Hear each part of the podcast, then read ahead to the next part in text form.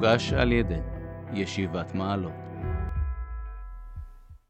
הפסח, שואלים לקחת מ...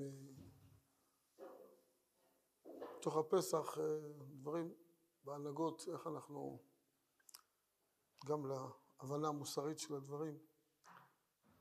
יש מצווה מיוחדת בפסח, אתה...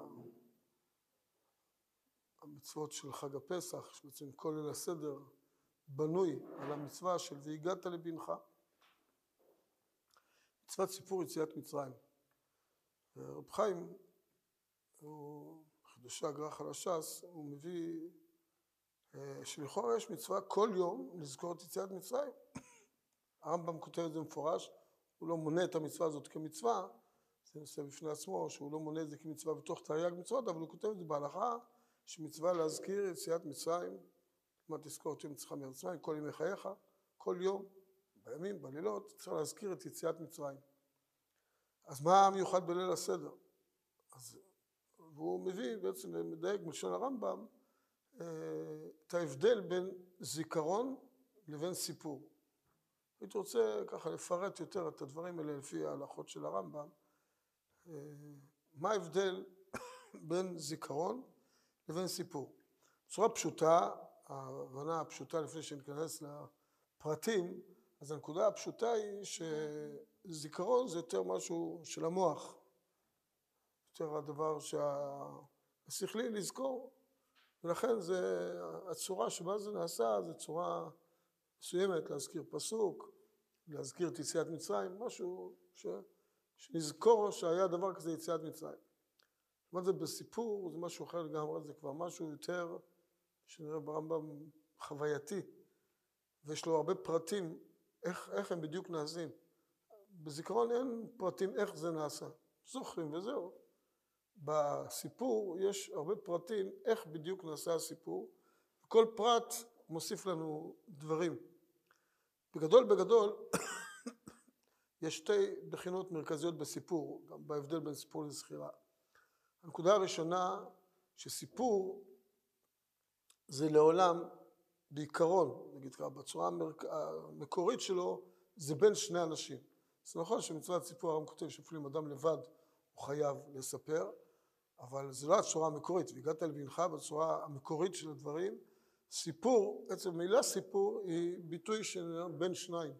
כך גם בספר יצירה, שכתוב, אה, בספר, איך לקרוא את זה בדיוק, איך לנקד, אבל לפי שהגרא אומר, זה ספר, ספר וסיפור. הסיפור זה, אז ספר זה מצד הכותב, הספר השני זה מצד הקורא, הספר, כל דבר, הכותב כותב, הוא לא כותב לבד.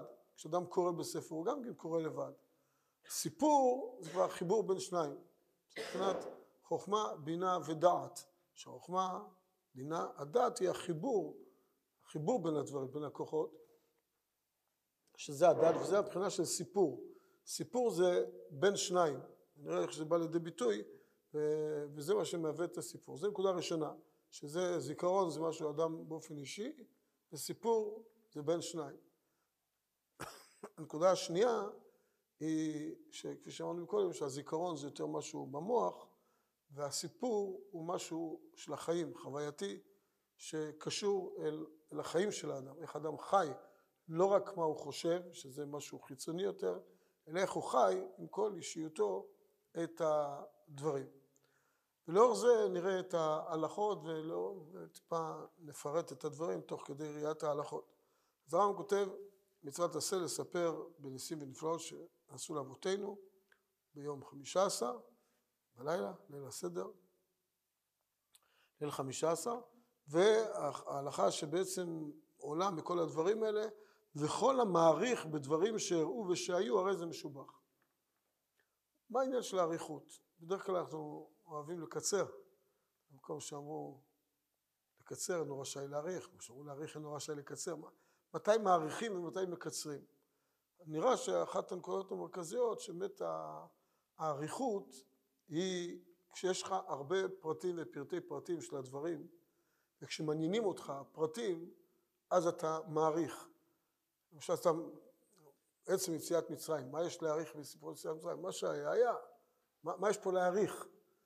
שמעתי פעם מהרב גורן, זכר צדיק לברכה, שהוא אמר שלהעריך, זה קצת מדויק גם ברמב"ם, יש שתי, שני ביאורים לעניין הזה של האריכות. הביאור האחד, מה שהוא אמר, זה להעריך בתקופות.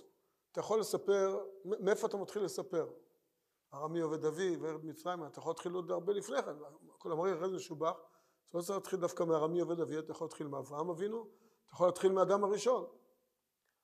ויציאת מצרים זה בעצם תהליך שהתחיל, שהתורה מתארת, הוא התחיל כבר באדם הראשון, חטא אדם הראשון עם כל הגלגולים, בעקבות זה יש כל מה שהיה בראשית, ואז שעם ישראל הגיע למצרים. ואותו דבר גם אחרי, זה הרקע, ואחרי זה התוצאות.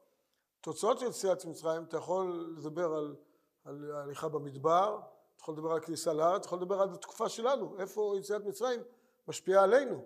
וזה עניין החיים של לחיות את יציאת מצרים. חייב אדם, חייב אדם לראות או להראות, לשון הרמב"ם, כאילו הוא יצא ממצרים. צריך לחיות את זה. לחיות את זה, אז זה אריכות. אתה, אתה מעריך, עד, עד היום בעצם אתה רוצה לחיות את יציאת מצרים. אז האריכות היא בעצם ריבוי הפרטים ופרטי הפרטים של המציאות, שזה נוגע לצורה שבה אנחנו חיים דבר. לעומת זאת זיכרון, אמרת, תזכרו וכולי, אתה, יש שם מקרים שהוצאתי אתכם מארץ מצרים, הזכרנו יציאת מצרים ויצאנו ידי חובה. עצם הזיכרון, זה, זה הזיכרון במוח, אז להפך, אמרו לקצר. החיים אמרו להאריך, זה כמו שאומרים במבנה של גוף האדם גם זה כך, המוח הוא מאוד קטן יחסית. קוראים לזה לגרוף המוח.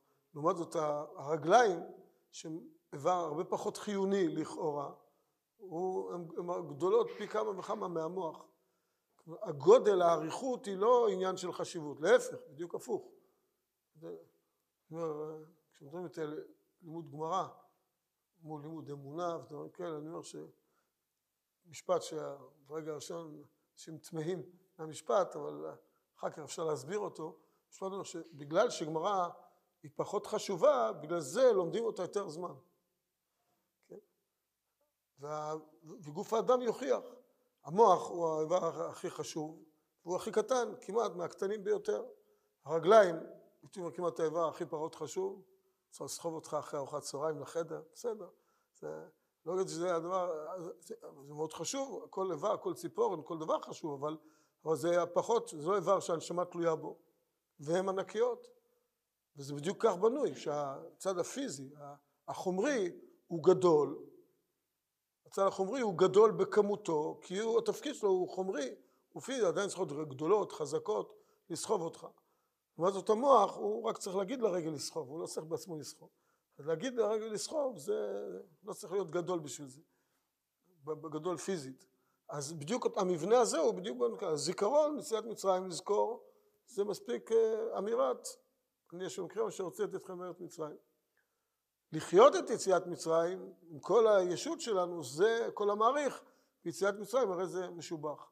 שהאריכות היא בעצם מביאה לידי ביטוי שזה דבר שהוא נכנס לנו לתוך החיים והוא, והוא מקיף את כל מרחבי החיים שלנו של כל התקופות וכל הדורות אז זה צריך להיות ארוך אז, אז יש מה להרבות ולספר ביציאת מצרים.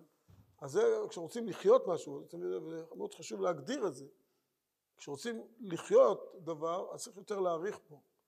כשרוצים רק לזכור רק משהו במוח, אז אפשר לקצר בו. החיים דורשים יותר את האריכות. אז חייב אדם לראות את עצמו כאילו הוא יצא ממצרים, ולכן כל המעריך ביציאת מצרים הרי זה משובח. זו הנקודה הראשונה שקשורה אל החיים. הנקודה השנייה, אמנם לא לפי סדר ההלכות, אה, הרב כותב, צריך להתחיל בגנות ולסיים בשבח. כי צה"ל מתחיל לספר שבתחילה היו אבותינו מתרח, או כופרים וטועים אחרי האבל, עובדי עבודה זרה היו אבותינו, או עבדים היינו, בגמרא יש מחלוקת, אנחנו עושים את שניהם, שמתחילים בגנות ומסיימים בשבח. מה, מה העניין הזה של גנות ושבח? זה גם כן נוגע לחיים. כי בעצם באים לספר לנו ולומר לנו את ההתייחסות. יציאת מצרים זה אחד המקורות החשובים ביותר לדעת איך מתמודדים עם בחינה של גנות. וגנות יכולה להיות מכל צורה, או עבדים היינו, או עובדי עבודה זרה היו אבותינו, נפילות של האדם, דברים ש... ש... גנות, דברים שהם מבחינת גנאי לאדם. אז התיאור הזה של סיפור יציאת מצרים, שמתחיל בגנות ומסיים בשבח, זה המשך של כל המעריך. הרי זה משובח, שבעצם יש כאן משהו שהחיים שה... בנויים מגנות ומשבח. וגם כשיש חלילה גנות, צריך לדעת בביטחון גמור שזה יסתיים בשבח. אחד הדברים החשובים ככה בליל הסדר זה גם כן זה יום של, רואים רב קיישר בהגדה של פסח של הרב מוליבר, הגדה של פסח של הרב מוליבר, אז הוא מביא שם שאת המרור טובלים עם קצת חרוסת, שזה הבחינה של להפוך מרירות למתיקות. שזה אחד האתגרים הגדולים בחיים, שזה מתחיל בגנות ומסיים בשבח. וזה אחת הנקודות המרכזיות בליל הסדר, זה, זה להתחיל בגנות, במרירות, אוכלים מרור, ואוכלים את המרור, לא שמדלגים על המרור ושורחים ממנו, אוכלים רק מתיקות. אוכלים את המרור, יש מרור, יש גנות, ויש את המצה, את השבח, קורבן פסח, מצה, כל מה שמבטא את המתיקות של אותו יום.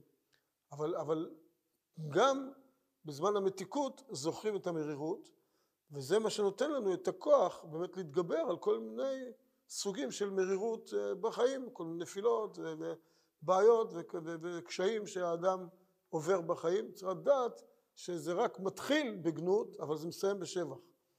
ושזו, והפיכת מרירות למתיקות זו משימה של החיים, שכתוב שבהיכלו של משיח יכול להיות רק מי שיודע להפוך מרירות למתיקות וחושך לאור. כלומר שזה משהו שהוא מובנה בחיים, ובוודאי בדורו של משיח, מובנה את הנקודה הזאת של להפוך את המרירות למתיקות. וזה בעצם, זה החיים. זה החלק השני, הדבר הראשון זה להעריך ולחיות את הדברים. הדבר השני זה לחיות אותם באופן הזה של לדעת איך להתייחס לכל מיני בחינות של גנות ומרירויות בחיים, כל מיני בחינות של מרור, ולדעת שבסופו של דבר גם צריך להטביל אותם קצת בחרוסת, וגם לדעת שבסופו של דבר הכל הכל מתהפך לטובה, וזאת צורת החיים שהקדוש ברוך הוא ברא בעולמנו, שגם המרירות היא חלק בלתי נפרד מה... ממציאות החיים, וצריך ללמוד את המלאכה הזאת, שליל הסדר הוא אחד המקורות ללימוד העניין הזה של הפיכת המרירות למתיקות. להבין, כמו שהיה במצרים, כמו ש... שיש מציאות כזאת של מרירות, וזוכרים אותה וחיים אותה, וימרו את חייהם, ואף על פי כן יצאו, ובסופו של דבר זה יצר מציאות של אה, מתיקות. אז זו הנקודה השנייה שנוגעת אל החיים. יש מה שאנחנו לוקחים מליל הסדר אל החיים, לדעת לחיות את הדברים, ולחיות אותם פירושו דבר לדעת להעריך, ולהיות קשור לכל הפרטים ופרטי הפרטים, גם בתורה וכל הדברים, לדעת שפרטי הפרטים מעניינים אותנו כי זה הכל הכל חלק מהחיים וההתייחסות אל המרירות. אז זו הנקודה הראשונה אה, שמחולקת פה לשני חלקים, שזה משהו מיוחד בסיפור שהוא לא קיים בזיכרון יציאת מצרים. הנקודה השנייה שמאפיינת את הסיפור זה בין שניים. ופה יש גם כן שתי הלכות שהרמב"ם מדגיש אותן. מצווה להודיע לבנים, אפילו לא שאלו, כן, אני רוצה להודיע אפילו אם לא שאלו, שנאמר והגעת לבנך, עכשיו אומר הרמב"ם הלכה, לפי דעתו של בן אביו מלמדו. כיצד? אם היה קטן או טיפש, אומר לו בני כולנו היינו עבדים כמו שפחה זו, שהוא משביע ככה, מראה איזה שפחה בבית, או כמו עבד זה, ככה היינו במצרים, ובלילה הזה פדה אותנו הקדוש ברוך הוא והוציאנו לחירות. אם היה בן גדול וחכם, מודיעו מה שאירע לנו במצרים וניסים שנעשו על ידי משה רבינו, הכל לפי דעתו של בן. יש כאן הדרכה מדהימה בכל העניין הזה של, אה, העניין החשוב של איך, איך מעבירים, בין שניים, איך מעבירים דברים למישהו אחר. וההגדרה שאומר הרמב"ם לפי דעתו של בן. הרמח"ל יש לו ביטוי ככה, בדיום המורום הוא כותב ביטוי שמאוד קשור ככה גם לתהליכים בעולמות העליונים, אבל הוא אומר, אין המשפיע משפיע לפי בחינת עצמו, אלא לפי בחינת המקבל ממנו. לעולם ההשפעה באה לפי הכוח של המקבל ולא המשפיע. כלומר, האדם יכול לדעת הרבה ידיעות, יכול לשפוך את הידיעות שלו, כל מה שהוא יודע, אבל אם זה שעומד מולו הוא לא כוח קיבול לזה, לא מבין לזה, אז זה לא עוזר שום דבר, זה שאדם יודע. החוכמה הגדולה של לספר, והגעת לבנך, להעביר דברים לדורות הבאים, לאחרים, להעביר דברים, זה לקלוט את דעתו של בן, לקלוט את, לפי מבחינת המקבל ממנו, כלשונו של הרמח"ל. לדעת מה הוא, באיזה עולם הוא נמצא, מה מעסיק אותו, איפה הוא חי, מה כוח הקיבול שלו, מה יכולת ההבנה שלו. ולפי דעתו של בן, אביו מלמדו. כלומר, סיפור, אז כיוון שהוא נעשה בין שניים, אז צריכים לראות איך באמת בונים את זה, שזה יהיה מתאים לשניים, שיהיה כאן חיבור. אם האדם יספר את כל מה שהוא יודע, לא יתחשב במי שנמצא לפניו, אז יהיה חסר פה בחיבור בין השניים. וזה לימוד גדול בכלל, בכל הדברים שאדם עושה. תמיד לחשוב מי הכוחות המקבלים אותם, עם מי יש לנו עסק. ו- ולאור הדברים האלה לחשוב איך באמת מעבירים את הדברים, איך עושים אותם. זו נקודה מאוד מרכזית, מאוד חשובה, של להשקיע מחשבה לא רק במה אתה רוצה ומה אתה מאמין וחושב שצריך להיות, אלא עם מי אתה עובד, מי עומד מולך, מה הכוחות ש, שנמצאים סביבך, ולפי כוחו של מקבל, אתה צריך לעשות את ההשפעה. רק דוגמה ככה מהתרחשויות של הימים האחרונים, נדמה שהיה כאן אולי איזה קצר קטן בנקודה הזאת, שיש איזה רצון להעביר דברים ולעשות דברים, הרצון של המשפיע, והמשפיע לא מספיק חושב, אין המשפיע משפיע לפי, לפי מבחינת עצמו, אלא לפי מבחינת המקבל. תחשוב מה, מה עם ישראל, מה המקום שלו, איפה הוא נמצא, מה הדעות שלו, מה המחשבות שלו, מה כוח הקיבול שלו, ולפי דעתו של בן אביו מלמדו. ואז יש, הדברים יעברו בצורה נכונה. אי אפשר רק לחשוב לפי המשפיע, שאתה רוצה דברים ואתה מאמין מה שאתה רוצה ואתה עושה, בלי לחשוב מה, מי עומד לפניך. אז זו הלכה מאוד חשובה בסיפור שהיא הדרכה חשובה, שוב, לכל דבר בחיים, שזה בעצם הבחינה המרכזית הגדולה הזאת של קימה קימה, שגם מאוד קשור להלכה הזאת, קימה קימה. ילד קטן, אז לא תתחיל ללמוד אותו כבר תוספות, ותתחיל לספור לו יציאת מצרים, תלמד אותו מחילתא. יותר גדול, תלמד אותו את הדרשות ותעשה את כל הדברים האלה, שכפי שאומר הרמב"ם אחר כך, גם מה שצריך קודם, להעריך זה על ידי דרשות, דברים כאלה. זה באמת עם בן חכם שקולט את הדברים, תלמד אותו דרשות של חז"ל, כל הפסוקים, אבל מאוד לחשוב מי עומד לפניך, ושהדברים יתאימו, ושוב, זו הדרכה כללית לחיים, לכל דבר, גם בעזרת השם ילדים, תלמידים, עם ישראל, בכל המערכות כולם, תמיד לחשוב מה כוח הקיבול, מה הוא מסוגל, מה העוצמות שלו, מה היכולות שלו, ולאור זה, לפי זה לעשות, וזה בגדול בגדול מה שחז"ל אומרים, שאמרנו, גאולתם של ישראל קמעה קמעה. כשעושים את הדברים בהתחשבות בזה, אז זה קמעה קמעה. כשאדם עושה לפי המשפיע, בלי להתחשב במי שעומד מולו, אז הכל במהירות, הכל שופך את כל מה שיש לו, את כל הרצונות שלו. אבל כשמתחשבים במי שעומד מולך, אז זה כמעט כמעט, אתה לומד את המציאות, לומד קצת את הנושא, לומד מי עומד מולך, ואחר כך אתה משפיע לפי דעתו של בן אביו מלמדו.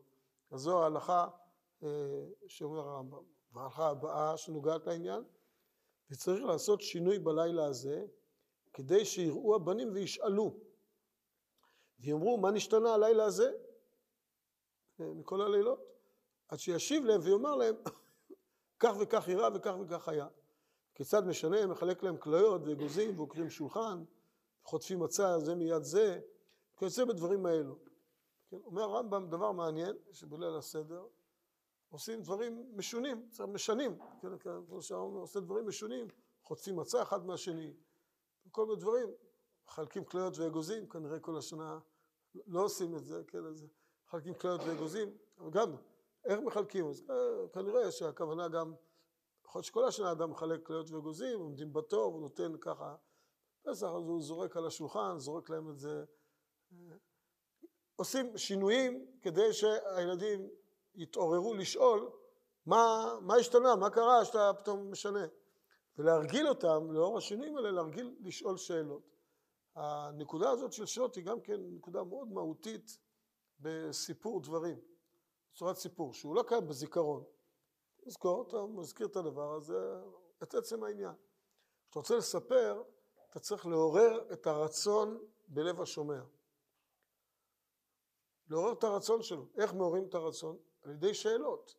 כשאדם מתרגל, כשאדם שואל שאלה, אז הוא בעצם מבקש שאלה, עצם המילה שאלה זה בקשה. שאלתי ובקשתי. לשאול זה בעצם לבקש, לבקש תשובה, לבקש משהו. אדם שואל חפץ מחברו. כל בקשה, כל לקיחת דבר, זה, יש כאן רצון לקבל משהו. כשאדם שואל, אז הוא מבקש לשמוע תשובה, ואז נבנה לו הרצון לקבל, וכשבאה התשובה, היא באה כמים קרים על נפש עייפה, כלשונו של הרב קוק. הרב קוק כותב את זה ככה באריכות, בעין היה, בהגדה, בסרט שבת, אותו תלמיד חכם, שנה וקרא, ומת בחצי ימיו, והייתה אשתו נוטלת תפילה ועוברת בכל בתי כנסיות ומדרשות, ומספרת להם שבעלה למד, שנה קרא וכולי, ומת בחצי ימיו, ולא היה אדם מחזירה דבר, ככה אומרת, לא לא היה מי שיענה תשובה. עד שבא אליהו ולימד אותה משהו בהלכות נידה, אה, בא אליהו ואז אה, כותב הרב, היה צריך לרדת איזה דבר גדול בעולם, איזו ידיעה חשובה מרכזית צריכה לרדת לעולם, אז היא יורד בצורה כזאת שעכשיו כל בתי המדרשות, כולם שואלים שאלה ואין תשובה. הרב כותב שהשאלה נועדה לבנות את הרצון לקבל, והרצון לקבל הופך את האדם להיות כלי קיבול. אומר הרב אשלג, כותב על זה, הפתגם הזה של אין כפייה ברוחניות, אלא שברוחניות מאוד, אין כפייה, אי אפשר לכפות ברוחניות. ברוחניות אדם צריך לרצות, הוא צריך לשאול, הוא צריך לבקש, ואז כשבא יש לו השגה בדבר. אבל אם אתה תכפה עליו, אתה יכול לכפות את האדם ללמוד את כל הזוהר בעל פה. הוא יודע את כל הזוהר מילה מילה, זה לא, לא, לא ירומם אותו אפילו מילימטר אחד. תראו לעצמכם, תמיד אומר שהיה מבחני בגרות גם על הזוהר. היה מבחני בגרות על הזוהר, נבחנים על הזוהר על הבגרות. ואתה לא זוכר אם הזוהר, פרשת בראשית, הוא נבחנים עליו או לא, אז איך אתה תשאל את החבר שלך? השאלה תהיה, האם זוהר בראשית זה בחומר או לא בחומר? נכון, ככה זה השאלה. אז גם את הזוהר אפשר להפוך לחומר. ברגע שאתה נבחן עליו, זה הופך להיות חומר. כל דבר שנבחנים עליו הופך להיות חומר, כי זה חומרי, זה, אין, ברגע שאין רצון, אין רצון אז אין שום השגה, אתה יכול ללמוד כל הדברים, זה לא יעשה לך כלום. ברגע שיש רצון, אז הדברים יורדים כמים קרים על נפש היפה, ואז יש לך השגה בדברים. אתה רוצה, אז אתה מבין, וזה בונה אותך, אתה מבין את העומק הרעיוני, אתה, אז, ואז הדברים בונים אותך, מקדמים אותך. אבל אם אין רצון עושים בכפייה, זה חומר, זה הכל, זה חומריות, זה סתם טכני, שאדם מדקלם את הדברים. זה אומר הרב אשלג, את הביטוי הזה, אין כפייה ברוחניות. ועל אותו משקל מבאר הרב את ההגדה הזאת של לא היה אדם מחזירה דבר. שכולם שואלים ושואלים וכל העולם תוסס, מה התשובה לשאלה הזאת, איך קרה הדבר הזה ש... שהאדם הזה מת בחצי ימיו. ואז בא אליהו ועונה את התשובה והעולם כולו מקבל אה, תשובה והם כולם מבינים אותה וחיים אותה. אז השאלה היא בעצם יוצרת את הרצון ואז כשהמשפיע משפיע, הוא משפיע לכלי קיבול. ואז גם חיים את הדבר. אז לכן, לכן התורה מקפידה מאוד, כי היא שלחה בנך מחר למשה, תהיה שאלה, שלא סתם לומר את הדברים, אלא שהדברים יבואו עם שאלות. לכן הנקודה הזאת של שאלת שאלות היא נקודה מאוד מרכזית בחיים גם. לזכור, זה מליל הסדר, אנחנו לומדים את החשיבות הגדולה של לשאול שאלות. כי אם אדם לא שואל, לא מתעניין, לא סקרן לדעת, אז גם אם הוא שומע ידיעות, זה לא נכנס פנימה ולא בונה אותו והוא לא חי את זה ולא גורם לו להשיג את הדברים.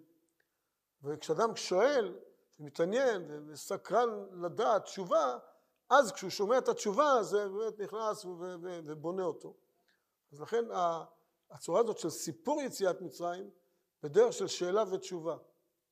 אז יש כאן שתי הלכות שנוגעות לצורה הזאת של סיפור שבין שני אנשים, בין האב לבן, שהבן שואל והאב עונה, ולפי דעתו של בן אביו מלמדו.